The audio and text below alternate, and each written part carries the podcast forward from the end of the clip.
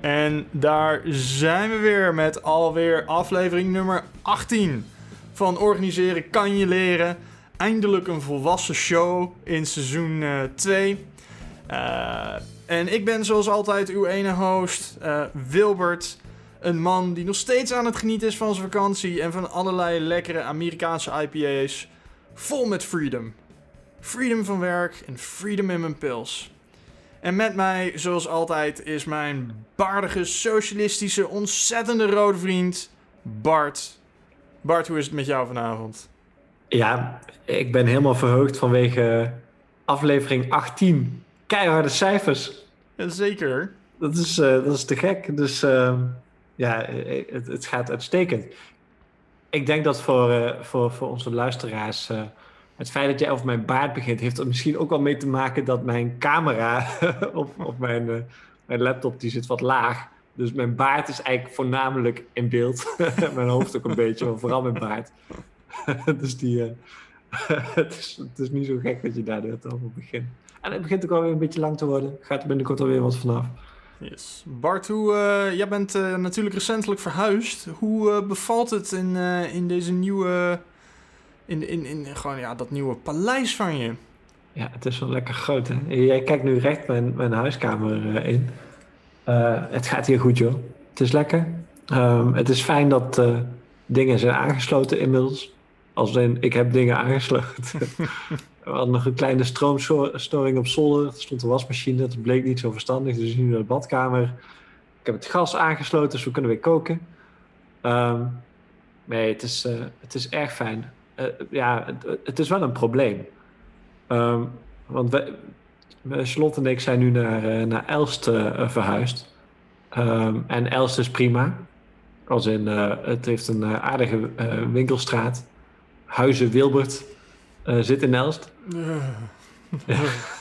Het is nog steeds een grote schok voor jou. Dat, dat, dat, is, dat is echt dat is hoe horrorfilms beginnen, Bart. Even ja. voor de luisteraars. Ik, uh, uh, enige tijd geleden heb ik, uh, heb ik Bart's huis bezocht uh, toen, het, toen het allemaal nog in aanbouw laten we, was. Laten we eerlijk zijn, ik heb jou getrikt in enig kluswerk bij mijn, mijn nieuwe huis. Het, die, die bakstenen muur is ongelooflijk schoon geworden.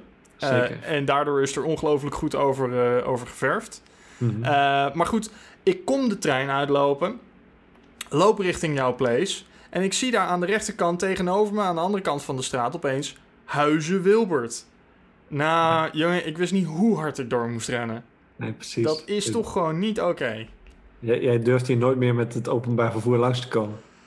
Nee, nee, dat zal me leren inderdaad om plebsvervoer te pakken. Ja, eh, niks voor jou. maar, het is, eh, maar het is allemaal mooi gelukt en dat is, en dat is ha- hartstikke mooi om te horen. Hoe dan ook, mijn punt is, Els is leuk, maar ik kan me niet echt voorstellen, nu nog niet in ieder geval, dat wij hier eh, eh, langer dan, eh, dan vijf à tien jaar gaan wonen. Wij zullen ooit eens terug willen naar Nijmegen, maar ik weet niet hoe we het voor elkaar gaan krijgen om daar ooit iets te, te vinden wat wij kunnen betalen en wat, wat enigszins qua grootte op dit, dit pand lijkt. Ja, ja, dus dat is wel een probleem. We wennen aan de luxe hier. yes. Bart, wat voor, eh, wat voor alcoholische versnapering ga jij aan schuldig maken? Ja, ik ben dus nog steeds bezig met, eh, met die eh, bokbierdoos die jij me hebt gestuurd. Ho, En, ho, ho, ja. ho. Officiële sponsordoos van Oh. officiële sponsor bij gebrek aan vegetarische kipcorn sponsor. Mhm, Beerwolf. Precies. En een van de biertjes die zij in hun bokbier, of eigenlijk herfstbier ehm, eh, pakket eh, eh, hebben zitten, is een Frans biertje. Nou ben ik niet zo van de, Franse biertjes. Ehm, het heet eh, Brasserie du Mont Blanc La Rousse. Dus we gaan eens kijken wat het is. Ik, heb al, ik zit al de hele week wat Tour de France te kijken. Dus, dus eigenlijk, ja, dat maakt me wel iets meer in de stemming voor dit biertje. Ehm, ik kan er verder niet zoveel over zeggen. Ja, er staat World Beer Award op. Maar ja, ik weet niet of de wereld zo'n eh, zo'n goede biersmaak heeft. Nou ja, goed, hè. Soms, eh, soms word je verrast door de, door de Fransen. Ik moest eerlijk zeggen, ik had nooit zo'n hele hoge pet op eh, van Frankrijk. Nou, althans, ik heb gewoon geen hoge pet op van Frankrijk. Het is een verschrikkelijk land vol met verschrikkelijke mensen. Maar af en toe komt er eens een keertje iets uit wat je toch wel blij verrast. Hè? En soms is dat bier. Ik heb ook een tijdje terug heb ik een, heb ik een Franse whisky op. Hm. de Armoric. Ehm, ja, eh, beviel me eigenlijk wel prima. Oké. Dus het is meer de, de uitzondering die de regel bevestigt. Oké. Ehm, maar goed, hè, zoals ik al zei, ik, eh, ik zit helemaal in de Freedom, eh, deze, deze aflevering serie. Dus ik heb mijn tweede Lagunitas, de to the point genaamde IPA. Hey, en het, Wat zij omschrijven als een, eh, ehm, een homicidally hoppy ale. Mhm. Eh, met de tip dat ik, eh, dat ik het volgende moet doen. Savor the moment as the raging hop character engages the imperial qualities of the Malt Foundation in mortal combat on the battlefield of your palate. ja, er zitten een hoop goede woorden tussen. Oh mijn god. Maar eh, kun je nog een keer de naam noemen van het biertje? Ehm, hij komt van, van brouwerij Lagunitas. En wat betekent dat, Lagunitas? Ik heb idee? geen idee. Oké, dat is iets voor de show notes dan. Die komen op de website, die overigens erg slecht bijgewerkt is, wegens mijn verhuizing. Ehm, dus ergens de komende weken ga ik daar wel weer werk van maken. En dan, dan staat het weer helemaal vol met, met eh, ja, onze, onze bierrecensies, eh, eh, wat we bespreken, enkele quotes en vooral ook erg goede kattenplaatjes. En de bibliotheek. Ja, oh ja, ja, en ik moet ook nog een... Oh, hier komt ook een kat terug. ja, die moeten hier nog even wennen aan het nieuwe buiten. Die zijn heel enthousiast als ze dan weer terug zijn en er is eten. Right. Ehm, Bart? eh, wat, wat ook belangrijk ik moet een, eh, een, een goede lijst maken van al het bier wat we, wat we hebben gedronken tot nu toe. Zeker. hey, eh, proost. Proost. Hmm. Mm. Oeh. Ik weet het nog niet helemaal hoor. Hmm. Nou goed, gaan we eens even het komende half uurtje over nadenken wat we van het biertje vinden. Oh, best wel, best wel flinke nadronk deze. Eh, Kijk. interessant. Dat is niet, niet, niet wat ik standaard eh, bij een IPA tegenkom. Nee. Bart, wij, eh, wij zijn onze, onze laatste aflevering, zoals het elke goede serie beaamt om af en toe te doen, op een cliffhanger geëindigd. Ja, hier is ook een cliffhanger. Hier komt een kat even midden op al mijn eh, aantekeningen liggen. Dat is prima. Hallo Johnny. Ehm, want wij, eh, wij hadden het over Wirecard. En, eh, Ja. en, en nou goed, met, met het verloren gaan van Wirecard blijft, blijft eh, over als een hele grote speler in de markt. Ehm, waarop jij zei eigenlijk van, joh, dat, dat, dat toont maar weer aan dat de overheid daarin een regulerende rol moet, eh, moet gaan aannemen. Of dat er in ieder geval meer regulering eh, bovenop moet komen. Waarop ik eigenlijk zei van, joh, en dat toont vooral aan dat we, het, eh, dat we die markt open moeten breken. Zodat er gewoon heel veel kleine bedrijven ontstaan in plaats van één hele grote. En Ja. daar zijn we een beetje eigenlijk toen dat gesprek op geëindigd. Ja, ja, vooral ook omdat ik zei van dit is, dit is zo'n mooi onderwerp. Hier wil ik het een, eh, een keer apart over hebben. En welke aflevering is er nou beter dan, dan aflevering 18 van Mhm. seizoen 2? Ehm, zo, zo'n keiharde cijfers eh, eh, aflevering, die, die kunnen we wel eens mooi aan wijden. Nee, ik, ehm, ehm, ik werkte in het Europees Parlement dus voor Dennis de Jong. Mhm. En die liet mij ook wel eens een beetje dus wat andere commissies bekijken dan, dan de commissies die we, die we, eh, eh, waar we zelf in zaten. Ehm, en nou, via de commissie waar we, waar we zaten, dus de interne marktcommissie, waren we ook veel bezig met de, de economische en financiële commissie. En één rapport wat eigenlijk in beide commissies werd besproken. Ehm, en dat, dat, dat werkt dan zo. Een van die commissies is dan een soort van de, de primaire. Die schrijft een rapport over. En de andere commissie schrijft er een opinie over. Maar goed, wij dienden al onze moties en eh, dingen maar gewoon beide in. En de vooral wijzigingsvoorstellen voor, voor, voor de rapporten. Eh, een van de, van de rapporten die daar veel werd besproken is het, eh, eh, het jaarlijkse mededingingsrapport. Mhm. Ehm, dus mededingingsbeleid wordt voor een, met name voor, voor, voor, voor, voor, voor zeer grote bedrijven wordt dat Europees ehm, eh, aangestuurd. Dat is een van de belangrijkste taken van de Europese Commissie, waar ze ook echt zelf een zeggenschap over hebben. Ook echt een apart deel van de commissie dat, dat, dat min of meer hermetisch gesloten is eh, voor alle andere delen, om- omdat het zo gevoelig is wat daar gebeurt. Mhm. Eh, want daar wordt natuurlijk ontzettend veel eh, ja, bedrijfsgeheimen bestudeerd. Ehm, daar wordt bekeken waar moet worden ingegrepen en waar niet. Ja, dat zijn gewoon zaken die niet op straat mogen komen te liggen. Um, en dat, dat jaarlijks rapport wat het parlement maakt, is eigenlijk een soort van commentaar op hoe dat de afgelopen jaren is gegaan en waar de aandacht naar zou moeten gaan de komende jaren. Um, en een van de dingen die wij deden bij dat rapport is eigenlijk indienen dat men zou moeten onderzoeken uh, hoeveel aanbieders er op een markt waren en of dat er voldoende waren. Hm. Uh, bijvoorbeeld een minimum van vijf of zes grote aanbieders, wat eigenlijk al vrij weinig is, zou je kunnen zeggen, maar op Europese schaal misschien nog wel te verantwoorden. En het opvallende was, die motie die deed altijd niet super slecht. de Groenen en de Sociaaldemocraten stemden vaak al mee, maar bij de Christen-Democraten en de Liberalen werd dat toch al snel wegge weggestemd. wat vooral laat zien dat dat soort denken, het denken in van een markt heeft te weinig spelers, uh, dus uh, het is niet verstandig om het zo te laten. Dat is voor, bij een deel van de politieke partijen is dat echt een no-go. En dat heeft heel erg te maken met de manier waarop het uh, Europese mededingingsbeleid in elkaar zit. Het is eigenlijk maar gericht op één doel, namelijk um, is het slecht voor de consument. En ehm, daarbij wordt eigenlijk wordt min of meer gezegd van wij, we, we, proberen eigenlijk misbruik aan te pakken als we tegenkomen. Maar we gaan heel weinig doen om partijen die op een natuurlijke wijze een, een machtspositie op een markt uh, veroveren, om die aan te pakken. Het enige waar wel naar wordt gekeken, wat mij betreft ook nog erg marginaal, maar goed, is wat er gebeurt bij fusies. Hmm. Dus als twee bedrijven door een fusie een positie innemen die, die, die buitensporig is, dan wil de Europese Commissie en nationale mededingingsautoriteiten trouwens ook, die willen nog wel eens ingrijpen. Maar komt een bedrijf uh, uit zichzelf op zo'n uh, uh, dominante marktpositie, dan wordt er niet ingegrepen. Hmm. Zoals, en dan met eigenlijk als, als, als, als illustratie bijvoorbeeld iets als Google, wat, wat, wat eigenlijk gewoon opklom en de zoekmarkt overnam. Dat, dat zou, dat zou zo'n voorbeeld zijn van iets dat op natuurlijke wijze opkomt.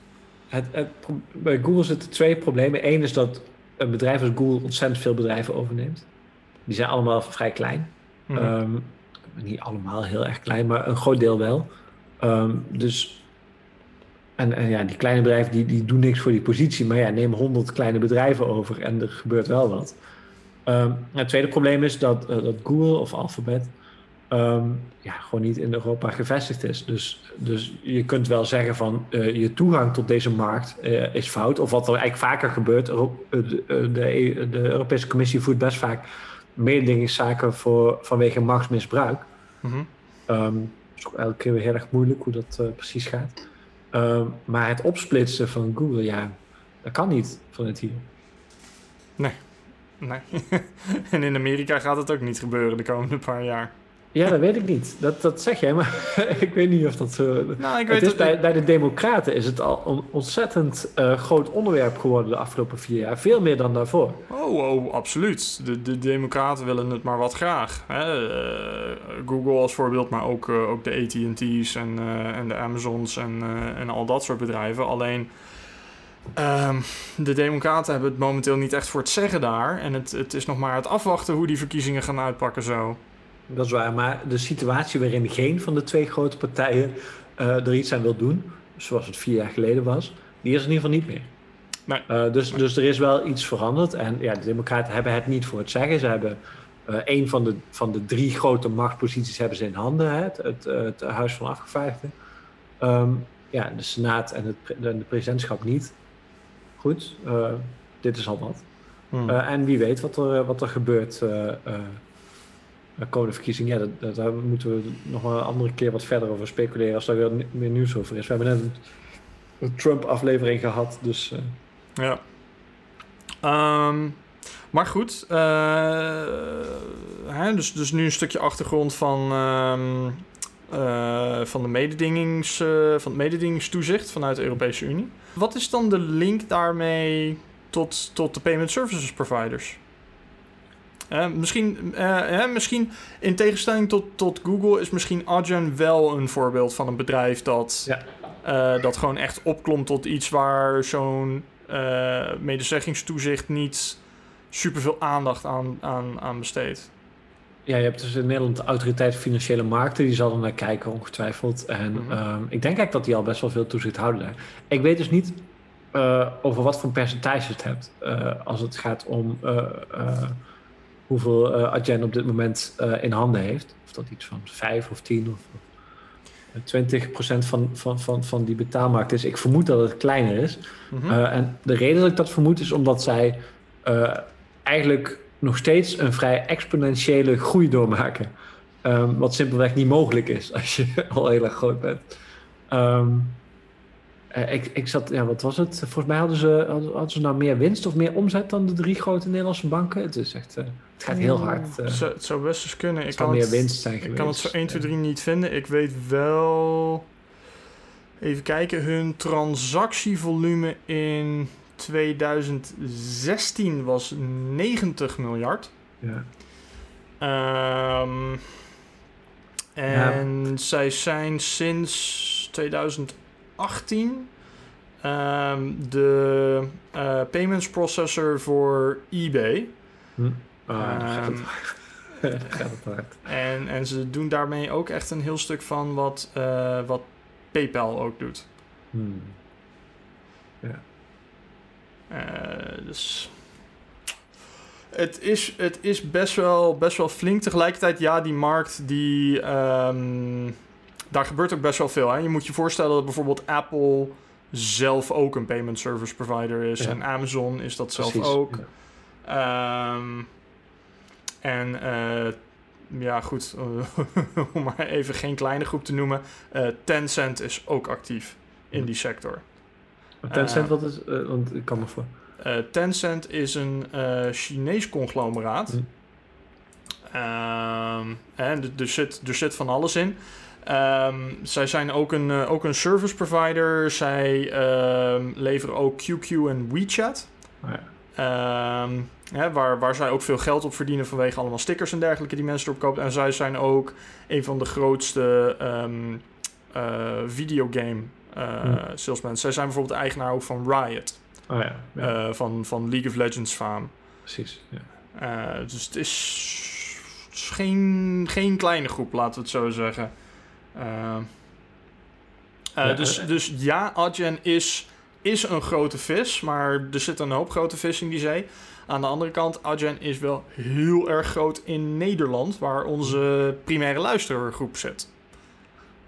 Uh, Ja. hoewel, er, hoewel er toch iets van 15% uh, uit Amerika aan het luisteren is. Ja, Dus dat ik- gaat hard. Ik weet ook niet hoe dat precies... eh, ik zie het ook op de website, ja. Uh, al die expats uh, ja die er daar aan het kijken zijn.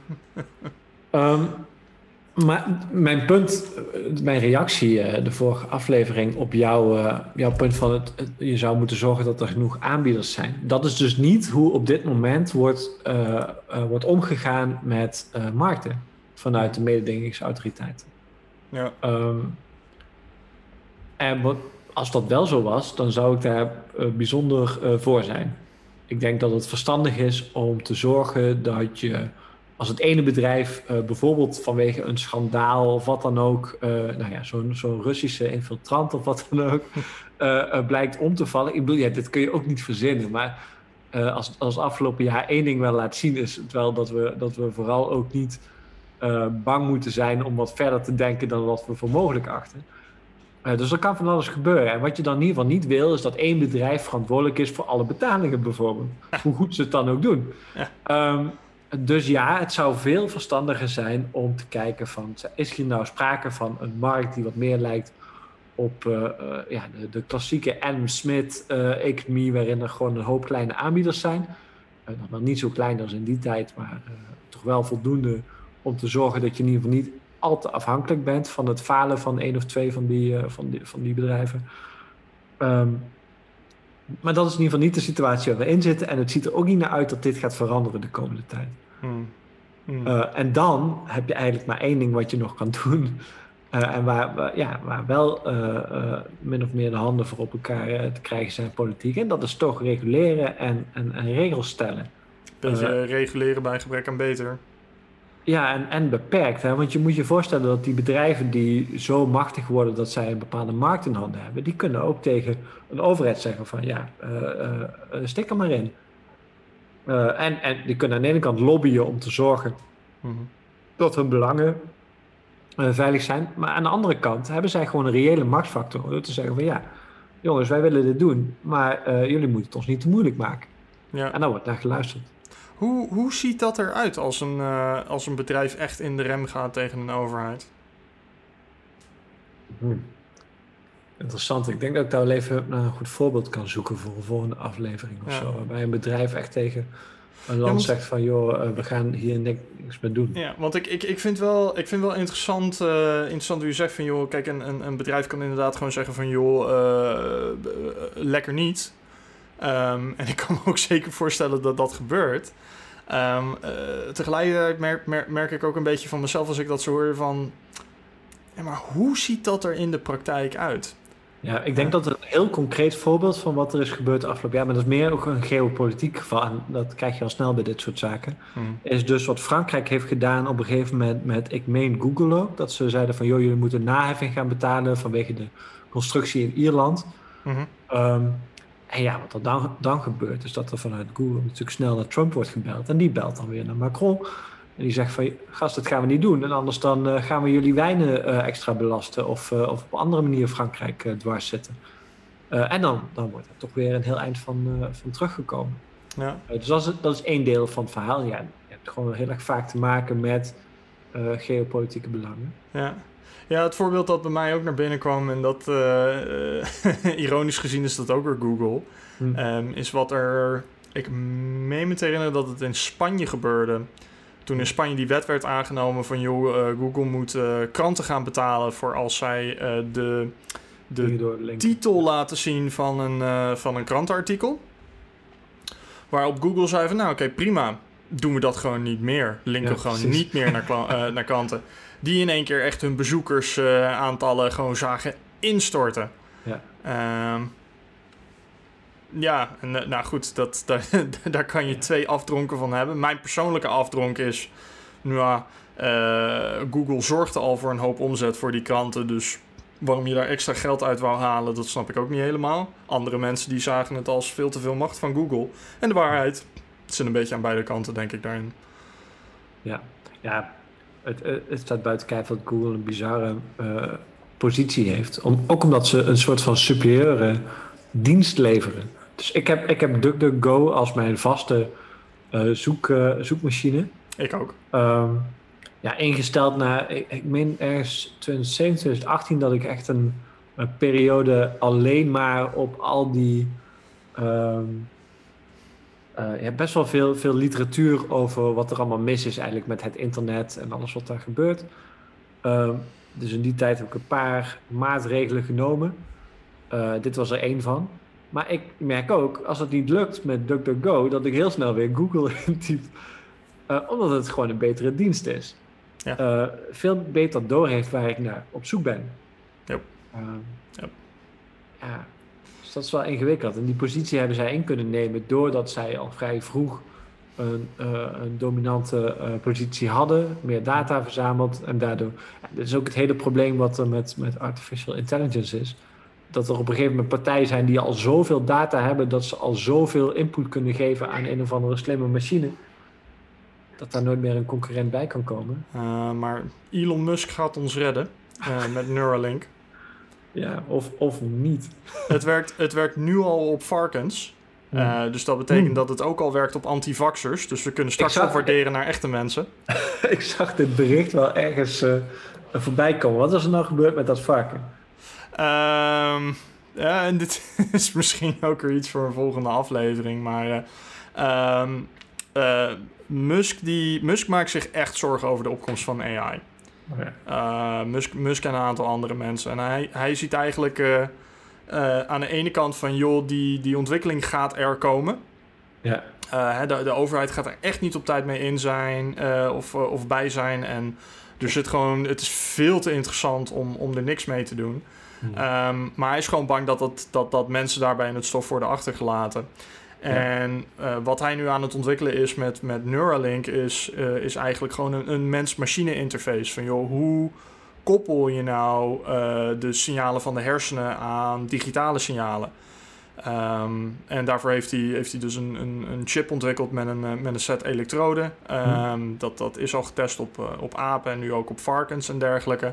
Um, die gewoon bepaalde signalen kan interpreteren. Dus bij dat varken bijvoorbeeld hadden ze het uh, gekoppeld aan, uh, aan het gedeelte van de hersenen dat de input van de snuit van het varken, heel gevoelig orgaan, uitlas en daar ook gewoon informatie over kon geven. En wat zij zien in de nabije toekomst is van... joh, dit kunnen we ook gebruiken om bijvoorbeeld mensen met een verlamming weer te kunnen laten lopen. Het is nog ja. steeds een best wel flinke procedure, want er, er gaan elektroden je hersenen in. Je hersenen zijn bepaald niet een vriendelijke omgeving voor nee. elektronica. Um, maar waar hij op termijn naartoe wil, is, is gewoon echt die, die, die, die integratie van AI met je eigen denkprocessen. Uh, dus wat, wat, wat door Ray Kurzweil bijvoorbeeld in, in hetzelfde genaamde boek ook omschreven werd als uh, de singularity. Um, hè, waar bijvoorbeeld dus ook de, de Singularity Institute uh, heel, erg mee, heel erg mee aan de gang is. Ja, dit, misschien dit is het goed om even een paar stappen terug te gaan. Kijk, je hebt nu dus bijvoorbeeld een, een telefoon vast die vrij veel kan. En de mm -hmm. manier waarop je die telefoon bedient is dus gewoon met je vingers. Mm -hmm. Maar met je vinger een telefoon bedienen is vrij omslachtig. En dus de vraag is uiteindelijk, hoe zorg je nou dat die rekenkracht van die telefoon en jouw denkkracht, Mhm. mm -hmm. dat die wat sneller verbonden zijn. En dat zou dus kunnen door, door die signalen aan elkaar te binden, eigenlijk direct met de, Ja. ja, de elektronen. Of zijn dat allemaal in, in je hoofd? Wat, wat, Ja, ja, ja. Ja, en het, is, en het is dus nog maar de vraag uh, waar we dan naartoe gaan. Hè? Ziet, dat, ziet het eruit als de, als de fijne toekomst uh, van, uh, van Gene Roddenberry? Hè? Van, van, van Star Trek. Van joh, gaan wij toe naar een, naar een, naar een post-schaarsheid stukje utopie waarin we het heelal op vriendelijke wijze gaan verkennen? Um, of gaat het er meer uitzien zoals het werk van, van William Gibson à la, Neuromancer? Um, of wat we zien in sommige van de verhalen van Ted Chiang, waar we, waar, we toch wel echt gewoon ja, een, een dystopische, ja, goed, cyberpunk-wereld ingaan. Van grote bedrijven die gewoon menselijk eigendom erop nahouden. Dit zijn we weer een hoop aantekeningen voor de show notes. uh, het enige wat ik wel, wat ik in, in, in, in uh, hoe heet het? Uh, uh, kerstfeestjes bij de schoonfamilie is dit wel het punt wat ik vaak maak. Van joh, we kunnen het heel veel over artificial intelligence hebben en dergelijke. Het waarschijnlijkste is gewoon, zeg maar, of de, de, de, de, de machines de wereld overnemen. Het waarschijnlijkste is gewoon dat wij de machines worden. Of gelinkt worden op zijn minst. En wat er dan gebeurt, dat moeten we allemaal nog maar zien. Uh, maar ja, dit gaat gebeuren de komende jaren. Ja, er zijn, er zijn ook best wel... Uh, filosofen zijn er al een tijdje mee bezig. Uh, en ik weet... Uh, er zijn al een aantal debatten geweest... waarin mensen eigenlijk zeiden van... joh, we zijn al lang cyborgs. Hm. kijk, het is, het is niet zo dat die technologie in ons zit... maar als je kijkt naar bijvoorbeeld... hoe mensen nu informatie opslaan... Ja. Um, hè, dat is veel meer, um, het is veel meer dat wij een soort van mentale index bij aan het houden zijn van waar we bepaalde informatie kunnen vinden, dan dat we nog heel veel van die informatie echt zelf bevatten. Ja. Um, hè, dus, dus, dus het argument daar is van joh, die technologie die is geen fysiek onderdeel van je geworden, maar in, in, in niet-fysieke zin, in gewoon onderdeel van je leven, hoe je denkt en hoe je werkt en al dat soort dingen, zijn we al lang cyborgs geworden. Nee, precies. En, en, en de functie die boeken nu hebben, ja, je kunt je heel makkelijk voorstellen als, als die connectie niet meer via je ogen gaat, maar op een andere manier en veel sneller kan en je denkvermogen misschien op allerlei manieren kan worden, dat het hartstikke interessant wordt. De grote vraag waar filosofen zich dan weer mee bezighouden is, in hoeverre zijn wij als de mens dan nog wel het doel van alles wat we doen? Wat mij als socialist natuurlijk ook aanspreekt, want dat is min of meer waar het eigenlijk allemaal over gaat. Mm. Um, of dat wij voorbij worden gestreefd door iets anders, iets beters, vooral iets krachtigers. Nou ja, uh, hè, we, laten we het zo zeggen, op het moment dat we echt uh, postschaarsheid uh, bereikt hebben, dan doet al dat liberalisme en socialisme en dergelijke er in één keer niet meer toe. Nou ja, of juist wel. Het, wat in ieder geval duidelijk is, is dat wanneer je aflevering 18, dat, het, dat het heel erg snel escaleert. eh, in ieder geval, ja, we gingen behoorlijk hard van, eh, van mededingingsbeleid naar, eh, naar toekomstbeelden. Ja. Hoe was jouw biertje? Ehm, ja, wat ik al zei, ik, ik, vind, hem, ik vind hem erg lekker. Er zit een, ehm, er zit een, een, een, een best wel flinke afdronk aan. Ehm, maar een echt lekkere afdronk. Hm. Dus ja, ik, ik, ik zou dus... Nou, ik heb er nog drie te gaan sowieso. Eh, uit die doos. Maar eh, ik, eh, ik kijk daar absoluut niet tegenop. Maar in ieder geval twee biertjes waarvan jij zegt van die zou je eens moeten proberen. Dus dat Zeker, nou, het zijn. IPA's, dus ik, ik neem een slok en dan gaan we kijken of het, of het bevalt. Waarschijnlijk niet. Precies. Bart, hoe, hoe was jouw, jouw bière? Ja, mijn, mijn brasserie, mijn La Rouge. Ik, ehm, ik denk dat het een soort ale, een beetje Vlaamse ale, een beetje zoals, waar het me een beetje aan doet denken, is een soort van kruising van palm en een hertog Jan karakter, maar dan met minder, eh, minder kruiden erin. Ehm, ja, het is oké. Ik ben wederom niet eh, echt wild enthousiast. Maar ik heb, ik heb denk ik het lekkerste biertje wat ik vanavond ga drinken eh, voor de volgende aflevering bewaard. Voor, dus voor de, voor de luisteraars is dat volgende week. Ehm, dus, dus hopelijk ben ik dan weer enthousiaster en dan krijgen we minder klachten van eh, die eh, maten van jou dat ik eh, lekker bier moet drinken. Nou, Ja, het is, het is moeilijk om je tevreden te stellen, Bart. Misschien is het ook wel de verwachting. Hè? Nou, hoewel van de Fransen verwachten we niet veel. Bij die IPA's verwacht je natuurlijk nooit iets. ik in ieder geval niet. en ja, ik zat hier toch meer in de herfst en de bokbiertjes. En ik ben eigenlijk best wel... Ik was vroeger een groot fan van bokbier. Ik weet nog dat wij naar bokbierfestivals gingen, Zo. eh, Bart. In Nijmegen nog wel. Ja. Vroeger, Nijmegen, oh. Wel weer gelijk pijn.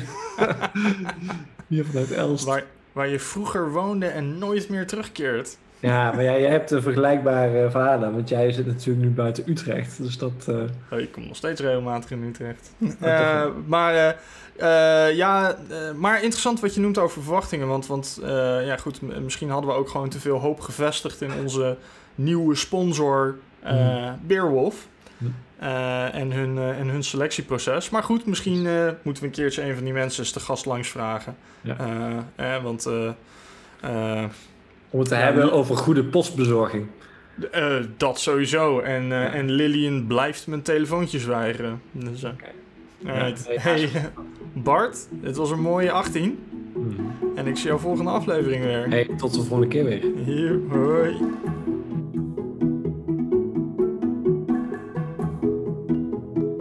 Dank jullie wel voor het luisteren van deze aflevering van Organiseren kan je leren. Mocht je vragen hebben over of commentaar hebben op hetgene wat we besproken hebben deze aflevering, of een suggestie hebben over wat we kunnen bespreken in een volgende aflevering, dan kan je ons bereiken op organiseren.pm.me. Dank jullie wel en tot de volgende.